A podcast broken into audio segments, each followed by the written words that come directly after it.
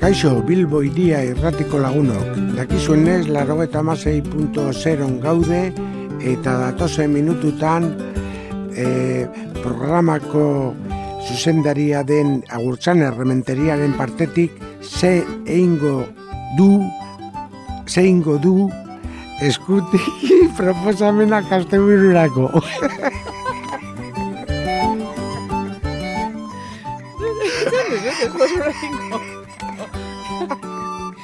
Nire partetik, nire partetik zer. Nire partetik zer.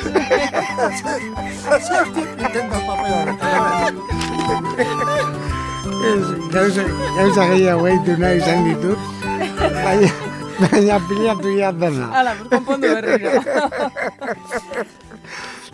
Ia, berrio, berrio, berrio.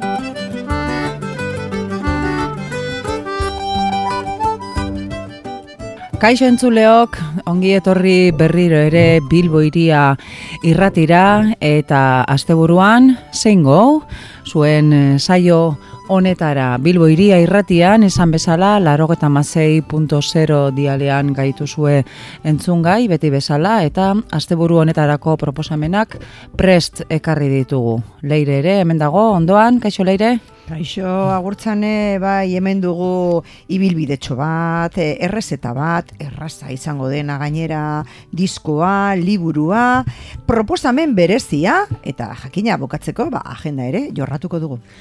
Guzti hori, laster batean izango duzue, orain txasiko gara.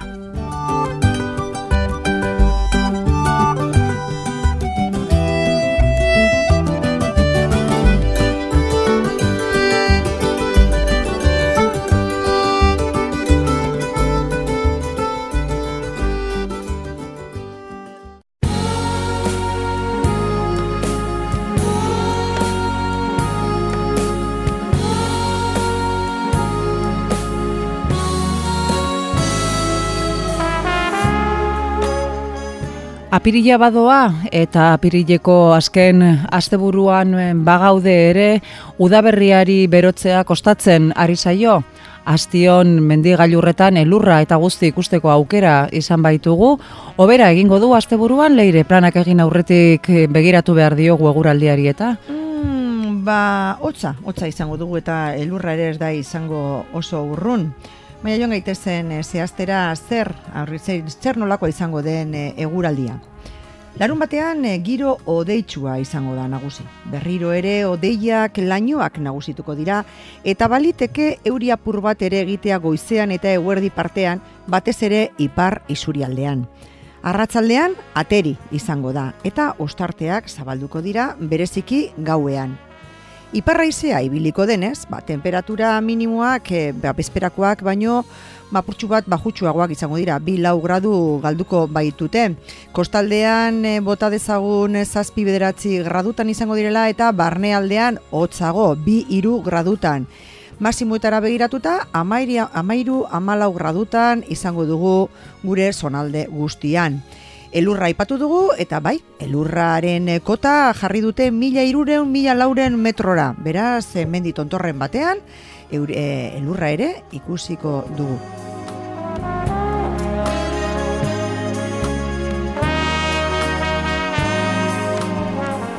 Igandeko giroak ba, egonkortzera egingo du. Ez dugu izango euri arriskurik eta egunaren hasieran lainoak izan daitezke barnealdean. Oroar, eguraldi ederra, eguzkitsua batez ere ipar isurialdean. Haizeak iparretik jotzen jarraituko du, beraz temperaturak hotzetik jarraituko du. Hala ere, graduren bat e, irabaziko dute. Beraz, kostaldean amabi bat e, amarra maika gradutan eta barnealdean bosei gradutan izango ditugu. Egunez, esan dugun bezalaxe, bagiro epelxagoa, baina hotza.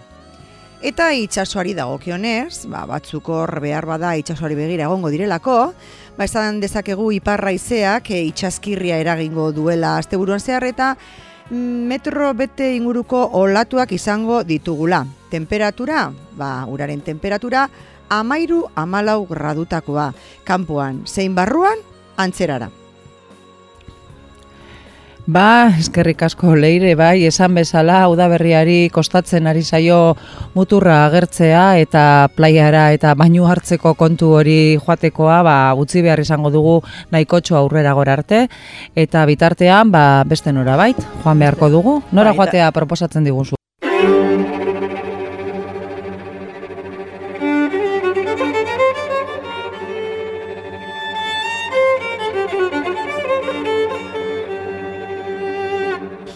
Bueno, ba, kostalde itxiko dugu, eta hor, bueno, pues, uretan sartu nahi duna, badaki neoprenoa, garai batean neoprenorik ez zegoen, baina gaur egun, bueno, pues, eh, badaukagu zer jantzi.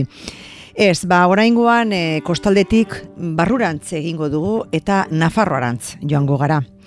Ah, bertan, erreserba natural batean ibiliko gara asteburu honetan, eta oso ezaguna dan eh, leku batera. Iruñatik hogeita mabos kilometrora agur. E, arroila bat dago, e, irunberriko arroila, irunberri herriaren ondoan. Irati ibaiak ba, bertako kare harria erosionatuz eratu duena.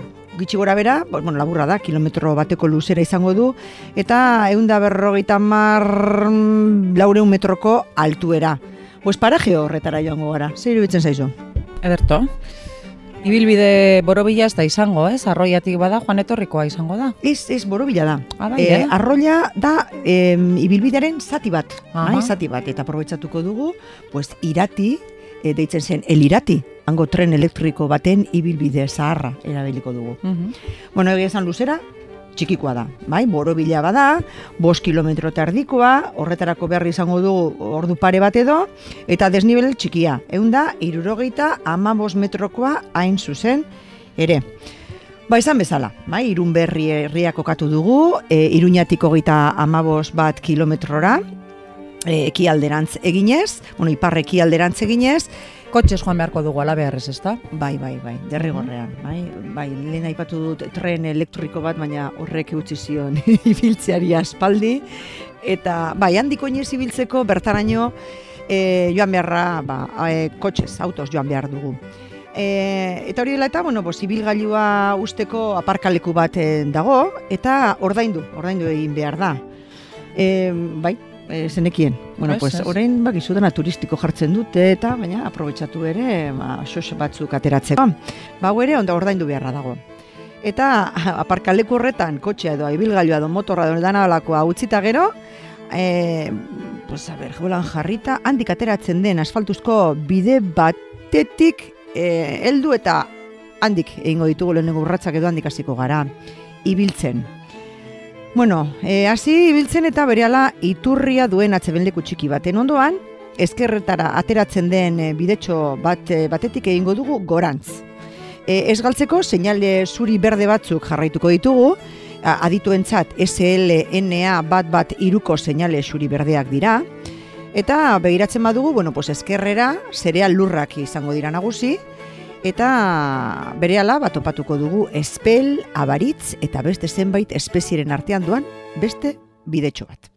Poliki poliki gora egiten hasiko gara. Zenbait artetan, ba, bidea estutu egingo da, eta ez dugu leire, leireko mendilerroaren ikuspegia galduko, ba, baten bez. Metro batzuk gorago, pista zabal batetik egingo dugu topo. Leku horretan, senda desagertu egiten da, eta arrizko pistan barna jarraituko dugu urrengo tartea. Denbora gutxi beharko dugu, alzuetako bordara iristeko. Hor, eskuinera ateratzen den bidea utzi eta aurrera jarraituko dugu. Beti ere, gogoratu marka zuri berdeak erakusten diguten bideari jarraituz. Metro batzuk aurrerago, egurrezko bide seinale batek eskuinera doan lurrezko pistatik jaistera gombidatuko gaitu. Berriro, arrizko pista batera aterako gara, eta horretatik jarraituko dugu. Beste seinale batekin, bat topo egin arte. Hemen, ikuspegia aldatu egiten da. Orain arte bidelagun izan badugu leireko mendilerroa, pues desagertu egingo zaigu, eta irati ibaiak bustitzen dituen lurrak, agertuko zaizkigu aurrean. Hor, ibai aldera jaisten den bidetxo batetik joango gara, eta konturatu orduko, irati tren zaharraren bidean izango gara. Irati ibaitik paralelo doan bidetik, tren zaharrak arroilan sartzeko gurutzatzen zuen lehen tunelera iritsiko gara. Baina beste aldera, pasatu aurretik, deabruaren zubira gerturatuko gara.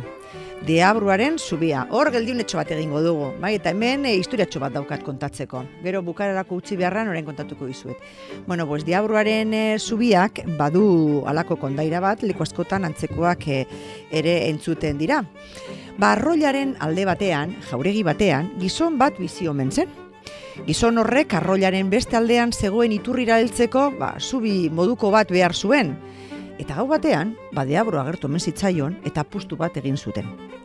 Gau bakar batean, deabroak zubia bukatzeko, be, bueno, ba, bukatzea bazeukan, ba, goiz aurratu baino lehen, hau da, eguzkiaren lehenengo izpiak e, atera baino lehen, gizonaren harima irabaziko zuen. Osterantzean, ba, zubia gizonaren izango zen. Berarentzat bakarrik, mai propietate ondasun e, pribatua.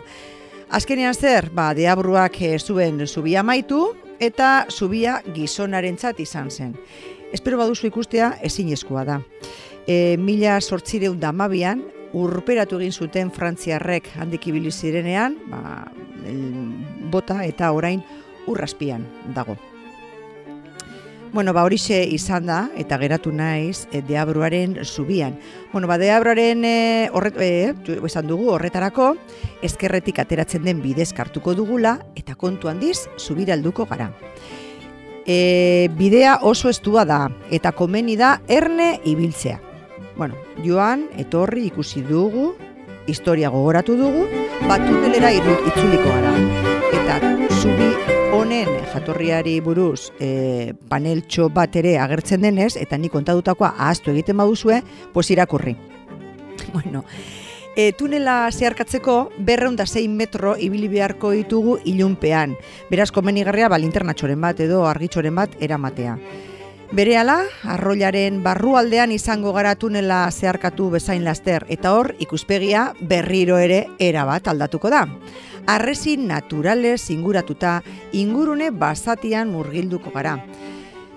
Nafarroako gobernuak natur erreserba izendatu zuen arroila mila bederatzerun dela zazpian. E, berrogei bat hektaria ditu parkeak eta horko pareta vertikaletan zaiaren kolonia eta beste zenbait egaztiren bizilekuak ikusteko aukera izango dugu. Arroila, kilometro baldu lehen aipatu bezala da gutxi gora bera eta irati ibaiak erditik zeharkatzen du merezi du bidearen zati hau lasai egitea eta bos largabistak edo eramatea. E, lasai esaten dugunean ez eraman musikarik altu eta segin oiurik, bai? Gozatu isiltasunaz, gozatu bertako e, parajeaz. Inguruaz gozatu ostean, ba, ibaitik paralelo duan aintxinako trenbidetik aurrera egingo dugu, eta argiztatu gabeko bigarren tunelera iritsiko gara. Tunel hori, egun da metro luze da, eta berau zeharkatuz, ba, atzeden lekuan izango gara. Berriro, agertu garen edo hasi garen lekuan bertan. Zintzurra freskatu eta aparkalekuraino falta diren motroak, baino ez ditugu egin behar. Pasaden astean aipatu genuen e, tranbia, bai, labele poken, mila bederatziren dabian, eraiki zutena donostian. Bueno, ba, irati trena, elirati deitzen e, zuten moduan, mila bederatziren da amaikako apirilaren hogeita iruan egin zuen lehen bidaia. Beraz, e, bueno, garaikoak dira biak. Penintzulako, lehen tren elektrikoa izan zen, eta Europako lehenengoetakoa. Mila bederatzireun zeian, Domingo Elizondok irati enpresa sortu zuen. Izen bera duen basoko egurra ustiatzeko asmoz. Agoitzeraino, almadien bidez jaitzi eta handik tren elektriko baten bidez egurra iruñera eramateko hain zuzen ere. Hasieran, irati enpresako egurra, ba, agoiztik iruñera garraiatzeko sortu zuten trena, irurogeita mar kilometro bat azbeste gutxi gura bera, baina berehala irun berriraino lusatu zuten, eta gero, zangotzaraino. Ia lau milioi eta erdi pesetako aurre kontua izan zuen trenbideak, eta berrogeita mazortzi kilometro luze zuen azkenean. Proiektua Carlos Lafitte donostiar ingeniariak egin zuen. Trenak irunberriko arroila zeharkatzen zuen, eta horretarako ba, bitunel hauek guk e, ba, pasatu ditugunako inez, zulatu behar izan zituzten, berrogeita mar mila tona e, salgai eta berreunda berrogeita mar mila bidaiari garraiatzen zituen garai hartan. Txartelak, sortziko hogeita bost peseta balio zuen. Eta ibilbide osoa egiteko bi ordu eta laurden behar ziren. Nafarroako industrializazio prozesuan garrantzia handia izan zuen tren honek, eta errepidetako garraioen lehiarekin, ba, irati trenak ezin izan zuen eh, gehiago, eta bere itxiera edo bere bertan bera hori gainbera, mila beratziren eta berrogeita amabosteko abenduaren hogeita emaikan, hain zuzen ere, San Silvestre egunean, pues, eh, amaitu zen. Bueno, ba, anekdotaz, bitxikeriaz eta historiaz beteriko ibilbidea proposatu diguzu leire, benetan oso interesgarria eta tentatuta nago bertara joateko. Hotza handia egingo badu ere, ba, bueno, ba, prestatu eta joateko gogoa ematen du. Baina hotza ibilian ibili askendu egiten da.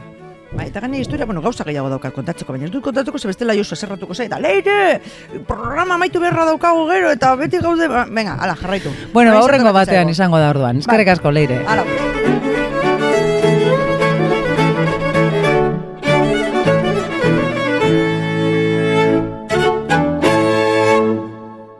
Bueno, eta hoi bezala, ibilbide proposamenaren ostean, sukaldeari datorki hotxan da.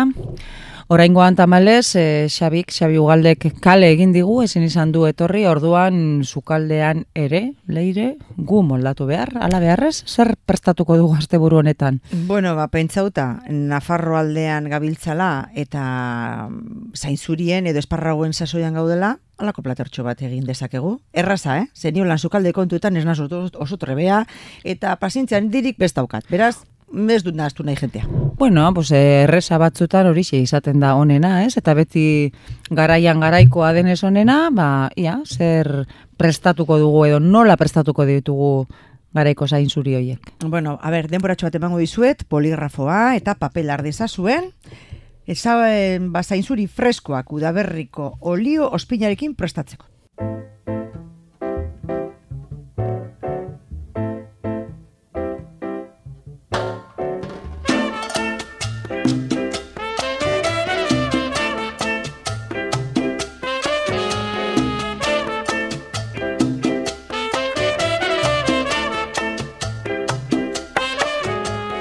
Ba, zainzuri freskoak udaberriko olio ospinarekin prestatzeko. Lau pertsonentzako osagaiak.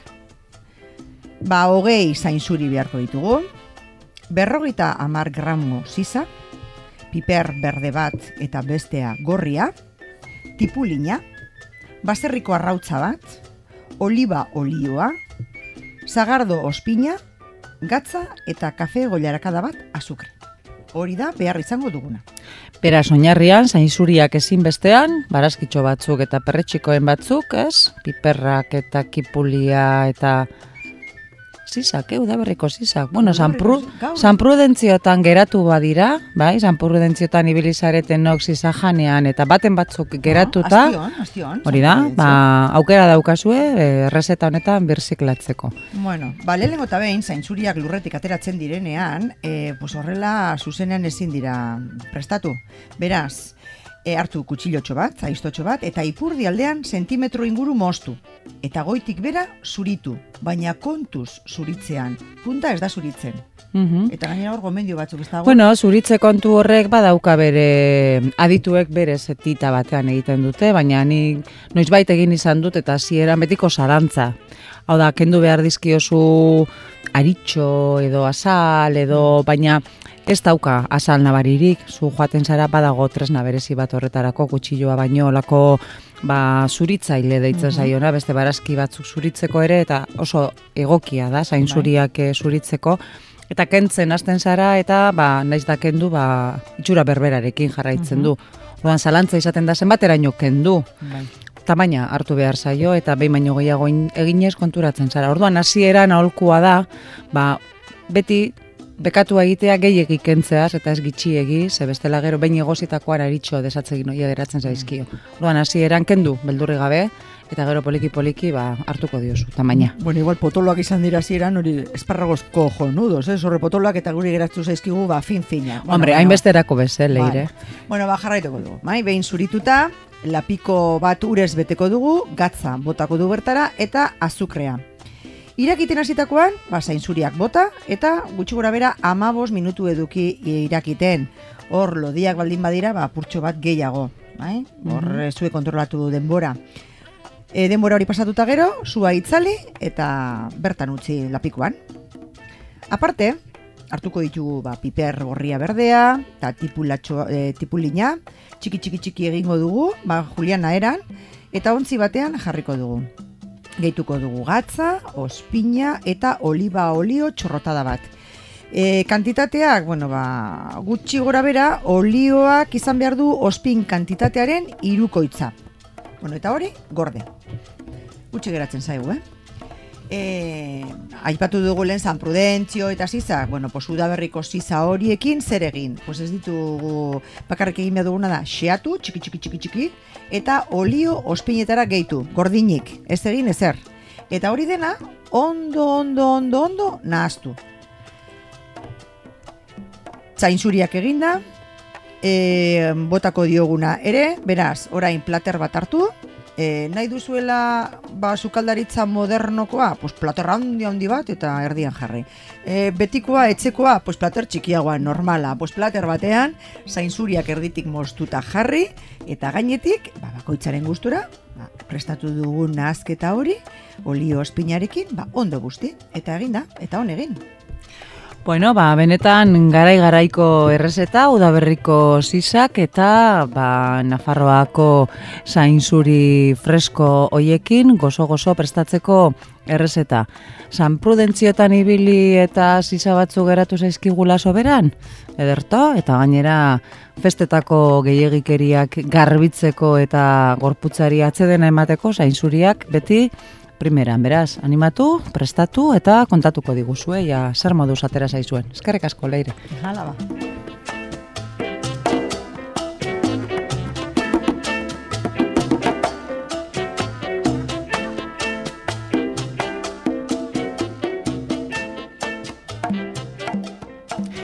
Bueno, eta asteburuan hotza ere egingo duela iragarrita, segurazki topatuko duzu etartetxoren bat, etxeko beroan gozo-gozo egoteko, eta horretarako zerro barik e, liburu on bat baino, beti bezala, bueno, azken bolada honetan bezala, Xavier Monasterio etorri zaigu, ba, aste honetarako liburu proposamen bereziarekin. Aste honetan, zer irakurtzea komendatzen diguzu, Xavier?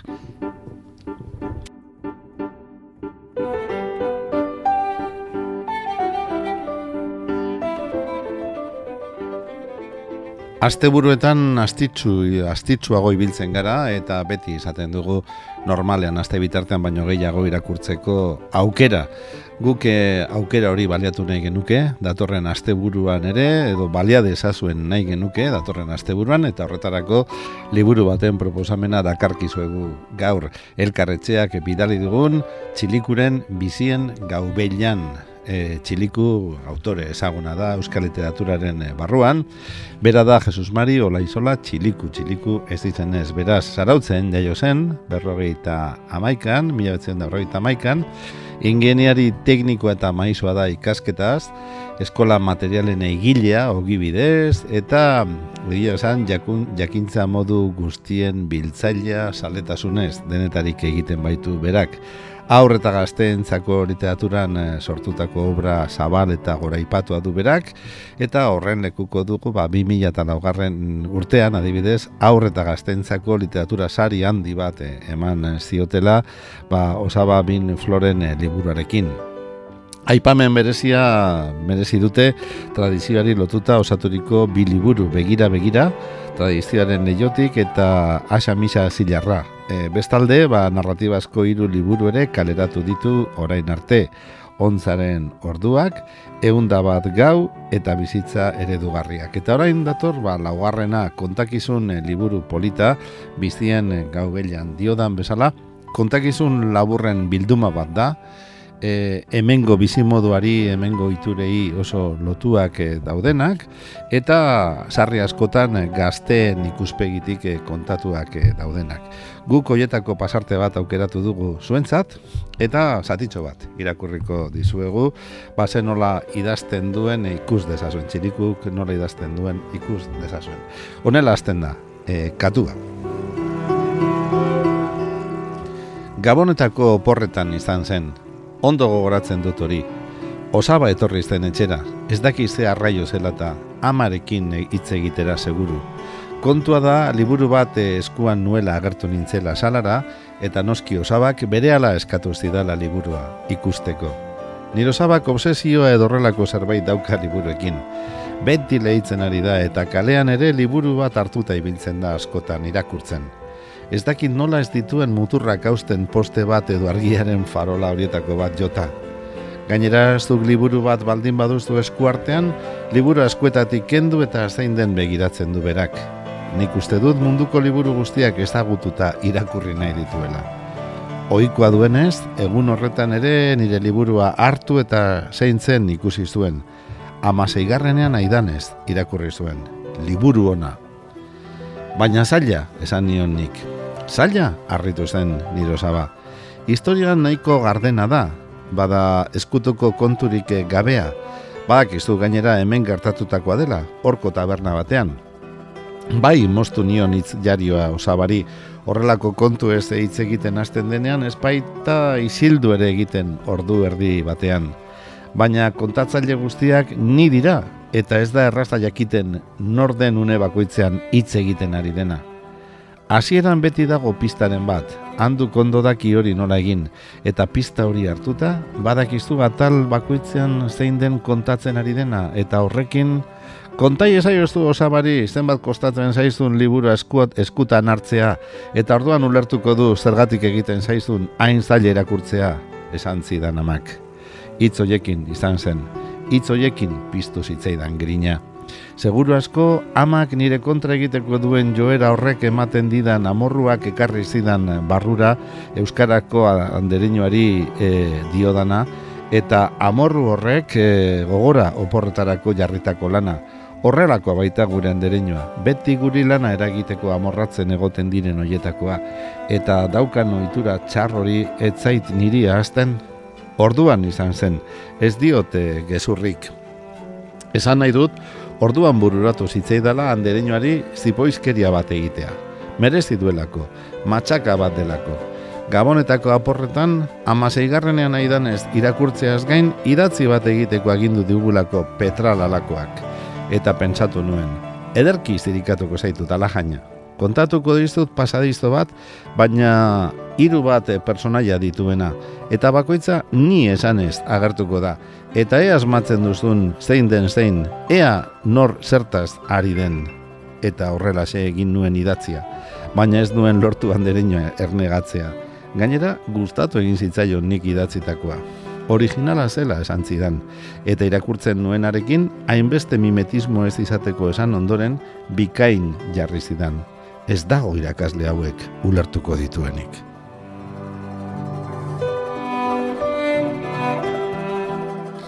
Beraz, lagunok esatitxo hau entzunda, badakizue zein den gure proposamena eta nolakoa den eidazlearen idazkera ere.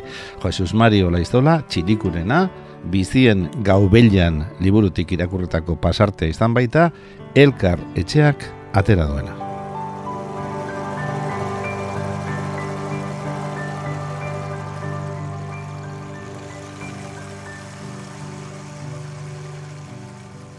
Bilbo iria.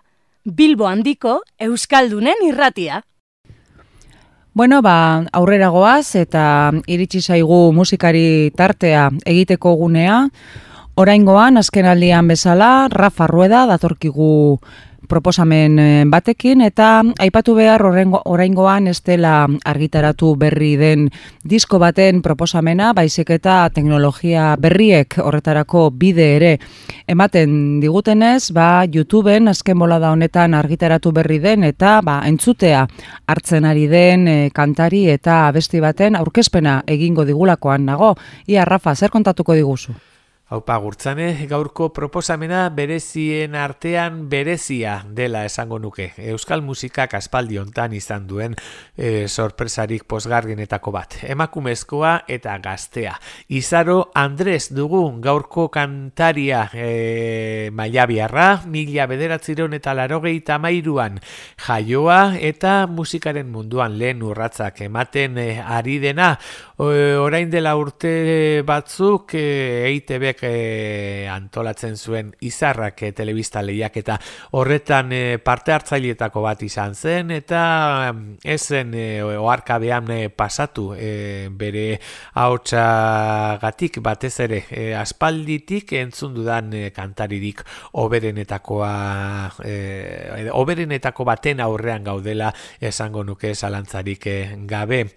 Berak e, inglesa erabiltzen du gehien bat, baina euskeraz ere baditu kantu batzuk e, eta orain dela hilabete gutxi disko bat, disko luze bat e, kaleratu berri du, baina ekarri dudan kantua ez da disko hortakoa. Orain dela ba, bi urte edo YouTubeen zintzilikatu zuen e, bideo batetik e, lapurtua baizik gitarra eh, lagunduta, eh, gitarra eta ahotsean e, nahiko biluzik kantatu zuen kantu hau eta horrela ba uste dote askoz hobeto apresiatu daitekela bere kantatzeko doai berezi hori. Kantuak paradise du izena eta hor laguntzaile moduan e, Xabi Aletxabaleta dago Maiabiako bere lagun bat. Entzun eta gozatu ezazue urte gutxitan e, zer esan handia emango duen emakumezko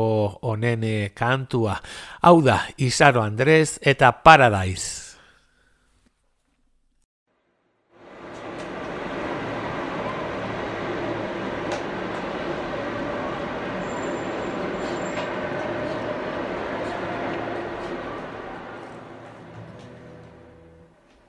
Paradise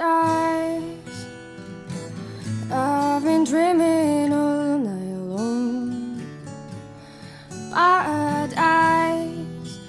are blue, blue and bright. Brightest blue I have ever seen.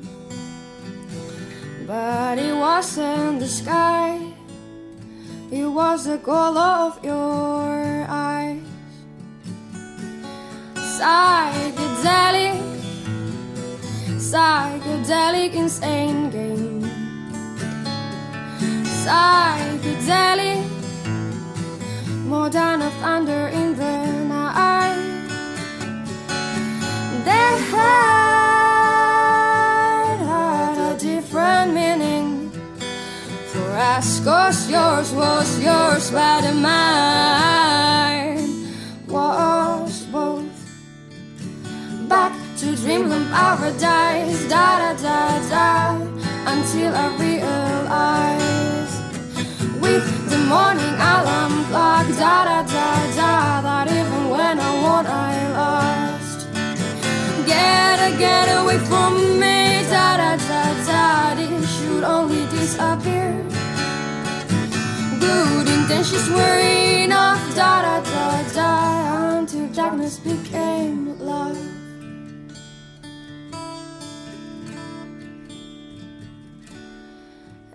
you were just another light, another sparkle in the sand, just one more rolling the road.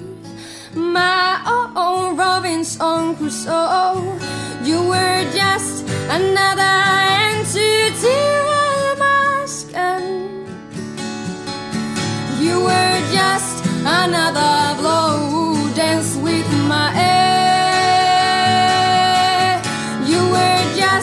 Another goal from the corner of a Galmo. But you were the one and only who break the nets and grows.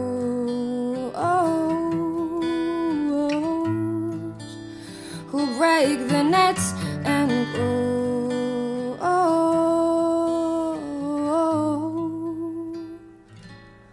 Back to dreamland paradise,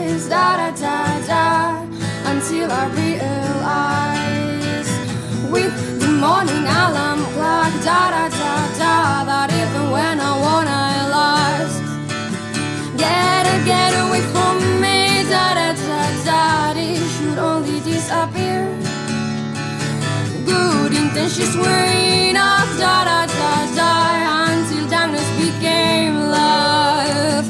Back to dreamland paradise.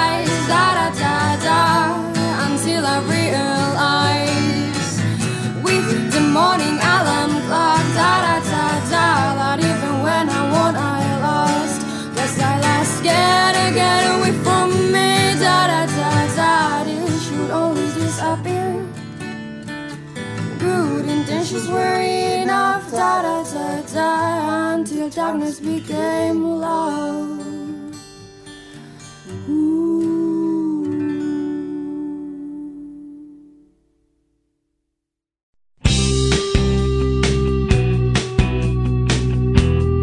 Bilbo iria, ire irratia.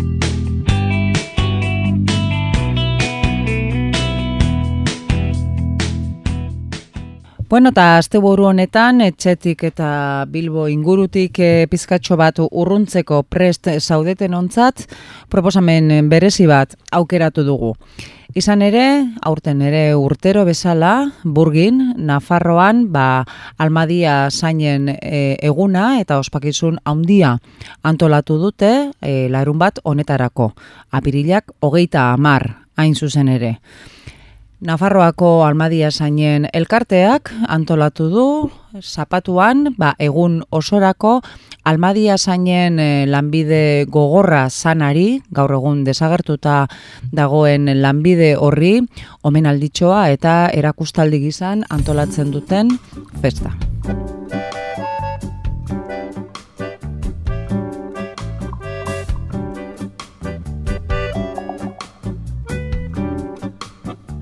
Raftina modan jarri baino asko zer lehenao, erronkarin bazen ibaian bera ibiltzen zen gizon talde bat, baina ez baltza neumatiko batean eta ez da neoprenosko jantziekin ere, eta ere gutxiago, olgeta gaitik. Eguneroko ogia irabasteko egiten zuten, abarketak jantzita, enborren gainean zutik, arraunari emanez eta lema zuzenduz, ibaiko arkaitz eta arriskoak saiestu nahian. Bai, Ibaia aipatu duzu leire, baina lehenik eta behin kokatu egingo gara, ze Ibaia aipatu duzu, eta jakin behar dugu eska Ibaiari buruz ari garela. Eska Ibaiak burgi herria zeharkatzen du eta burgi Ibaian, oi herrian barkatu izango da ospakizuna. Burgi, Nafarroa garaiko iparrekialdeko udalerri bat da, e, erronkariko ibarraren hegoaldean kokatuta dagoena eta sangosako merindadeko herri bat. Bertara joateko, ba, NA eundagoita mazazpi errepidea hartu behar izango dugu eta garraio publikoa ere badaukagu, ba, Lata Faiesa izeneko autobusa, Ustarrose eta Iruña lotzen dituena, ba, bertaraino aiegatzen omen da. Izan ere, jakin behar duzue, egun honetan eta ospakizun egun honetan, jende ugari hurbiltzen dela bertara.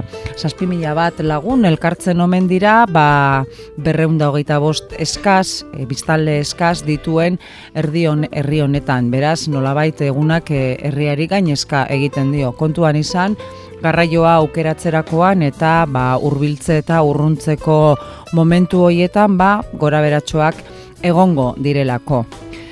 Burgi herria esan bezala ba, Nafarroan kokatuta dago eta eska ibaiak zeharkatzen du. Horretaz gain, aipagarria da baita ere, ba, bertan gaur egun euskalistunak e, eskazak edo urriak eh, badira ere, ba, emeretzegarren mendeko amaierar arte, ba, erronkariera e, euskalkia ba, bertan e, euki genuela. Lastima da, baina azken iztunak ba, emeretzegarren mendeko amaieran ba, zendu ziren eta beraiekin batera ba, galdu egin zen.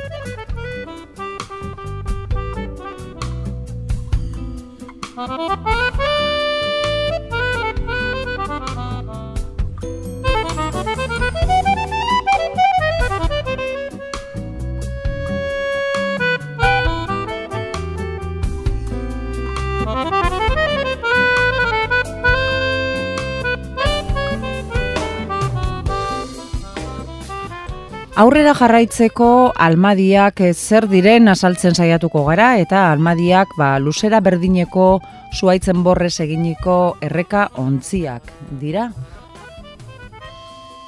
Egurrez eginikoa, baina zein egur mota? Pinuen egurrarekin egindako enborrez hain zuzen ere. E, egur meak, egur lodiagoak, ertainak eta lodiagoak ziren e, e, enborraren arabera, erabilera bat zeukaten. Egurmeak telatutarako erabiltzen ziren, ertainak zoruetarako eta lodiak zerrategietarako. Bueno, ba, irurogei urtetik gorako enborrak izan behar zuten, lodiera gora bera, Maiatzean hasten ziren mosten eta abuztuaren erdialdean amaitzen zuten. E, almadia bat egiteko, ba, hiru bat egun behar zituzten.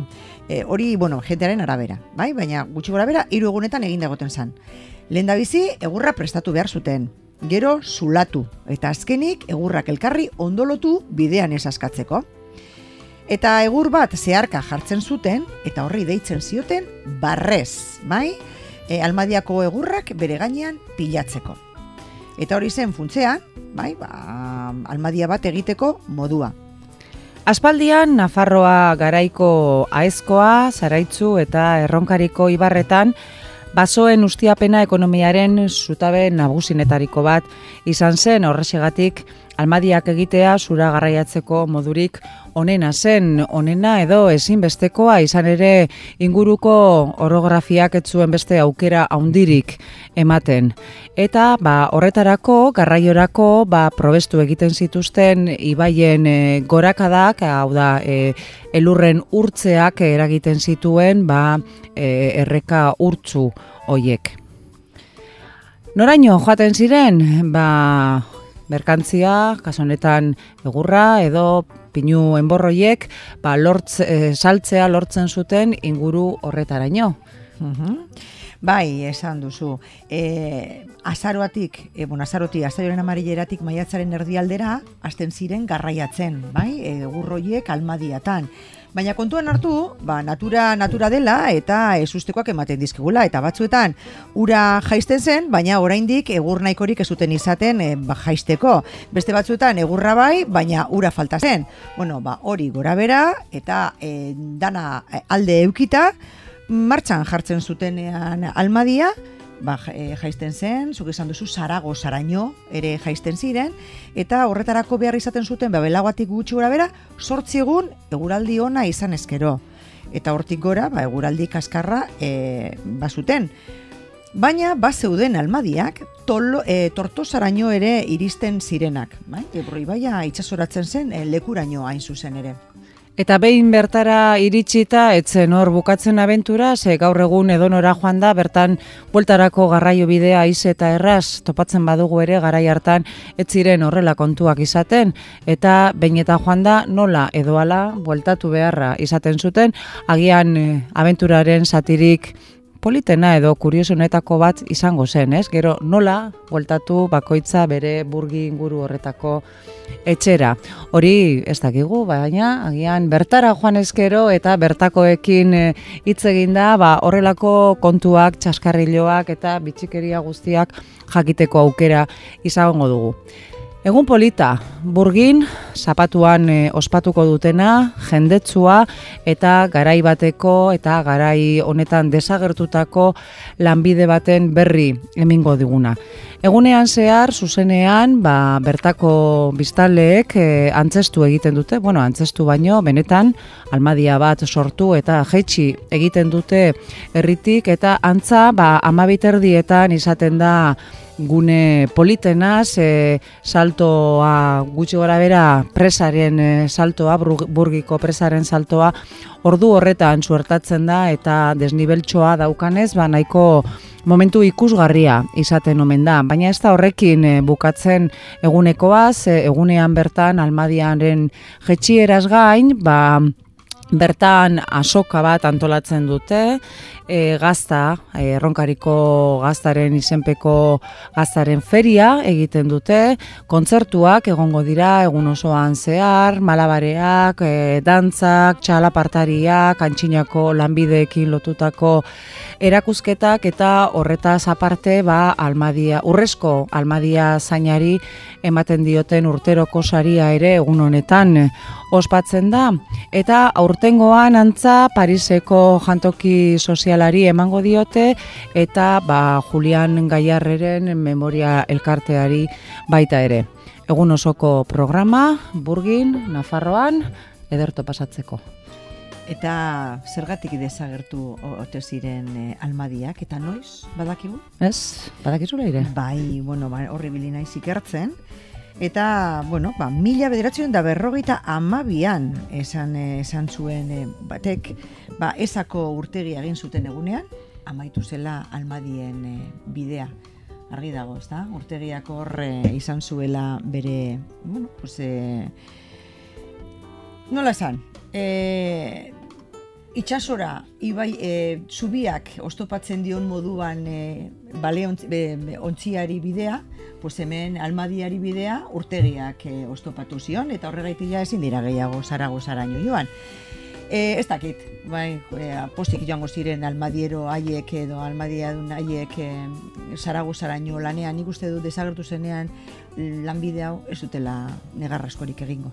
Zagati dinozu? Oso gogorra zelako. Nik behin entzun nion e, alako altxitxe bati, babera almadiero izan zela, eta ez dakizen bat egunetan, almadia gainean, e, horre erremutan eta eramaten egurrak, eta e, prakak erantzi, ze klaro, le, lehen praka eta barketak inoaten ziren, prakak erantzita, izostuta, zutik, geratzen omen zitzaizkion e, lurrean jarrita.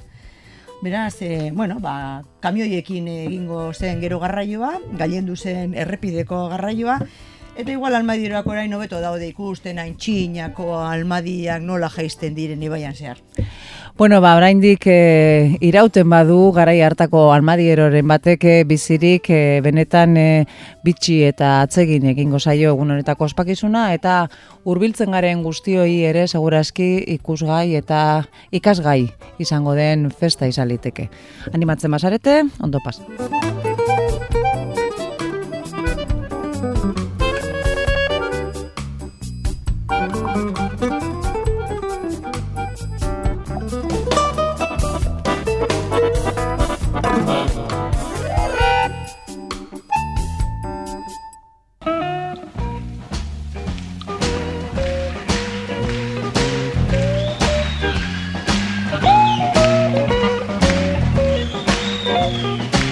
Bueno, bukaera aldera hurbiltzen ari gara, baina ezin bukatu asteburu honetarako agenda aipatu gabe. Zer daukagu asteburu honetarako? Zapatuan hasita, Ba, zapatuan hasita eta bilbotik urrunduta orduin aldera joango gara eta bertan izango dugu goixetik egunean zehar asoka agroekologikoa. eta Udaberri Fest bertso baskaria sarean elkarteak antolatuta Bilbon.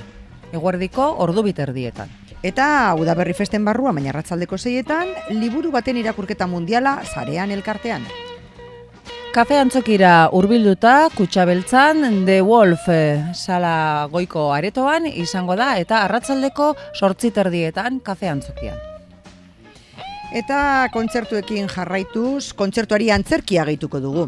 E, han, bi zei iru lau ikuskizuna berrizeko kultur elkartean.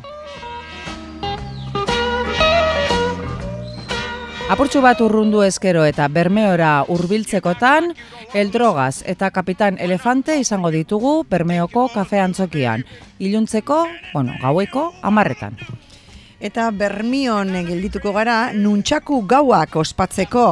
Nuntxaku zentruan donge markinako taldea eta beste talde bat izango dira gaueko amarretan. Larun bat honetan ere Dimara joan da nekazal punk jaialdia izango dugu. Seigarren aldia izango da Diman festa hau antolatzen dutena eta goizean zehar nekazal asoka eta sanpatzarrak izango dira, baina ordu batean orkestra izango dugu. Iruretan e, babaian herrikoia, herriko tabernan. Platera, bost euroan. Arratzaldean kontzertu sorta ederra izango dugu, nola ez, nekazal punk jaialdia izanik punk taldeak izango dira.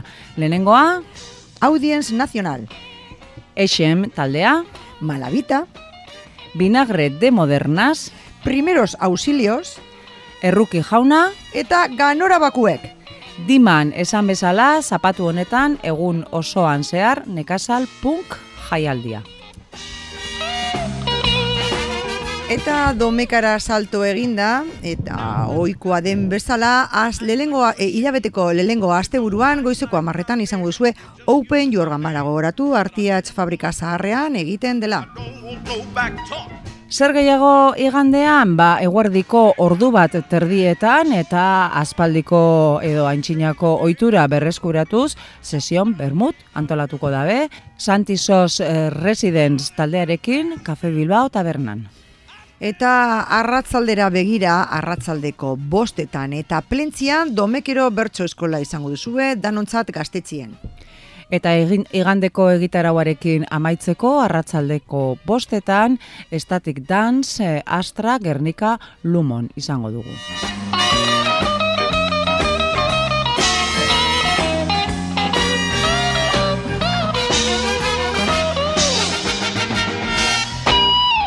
Beraz, badugu eta baduzuen ondik ibili asteburu honetan lagunok.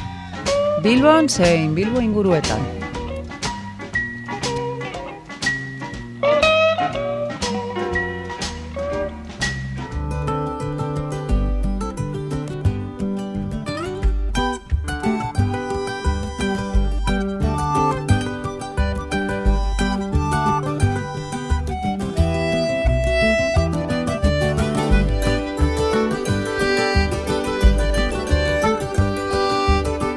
Bagoaz lagunok eh, amaitu da gaurko saioa eta agurtzane, agur esateko ordua da Bilbo iria irratitik gure FMaren 96.00tik.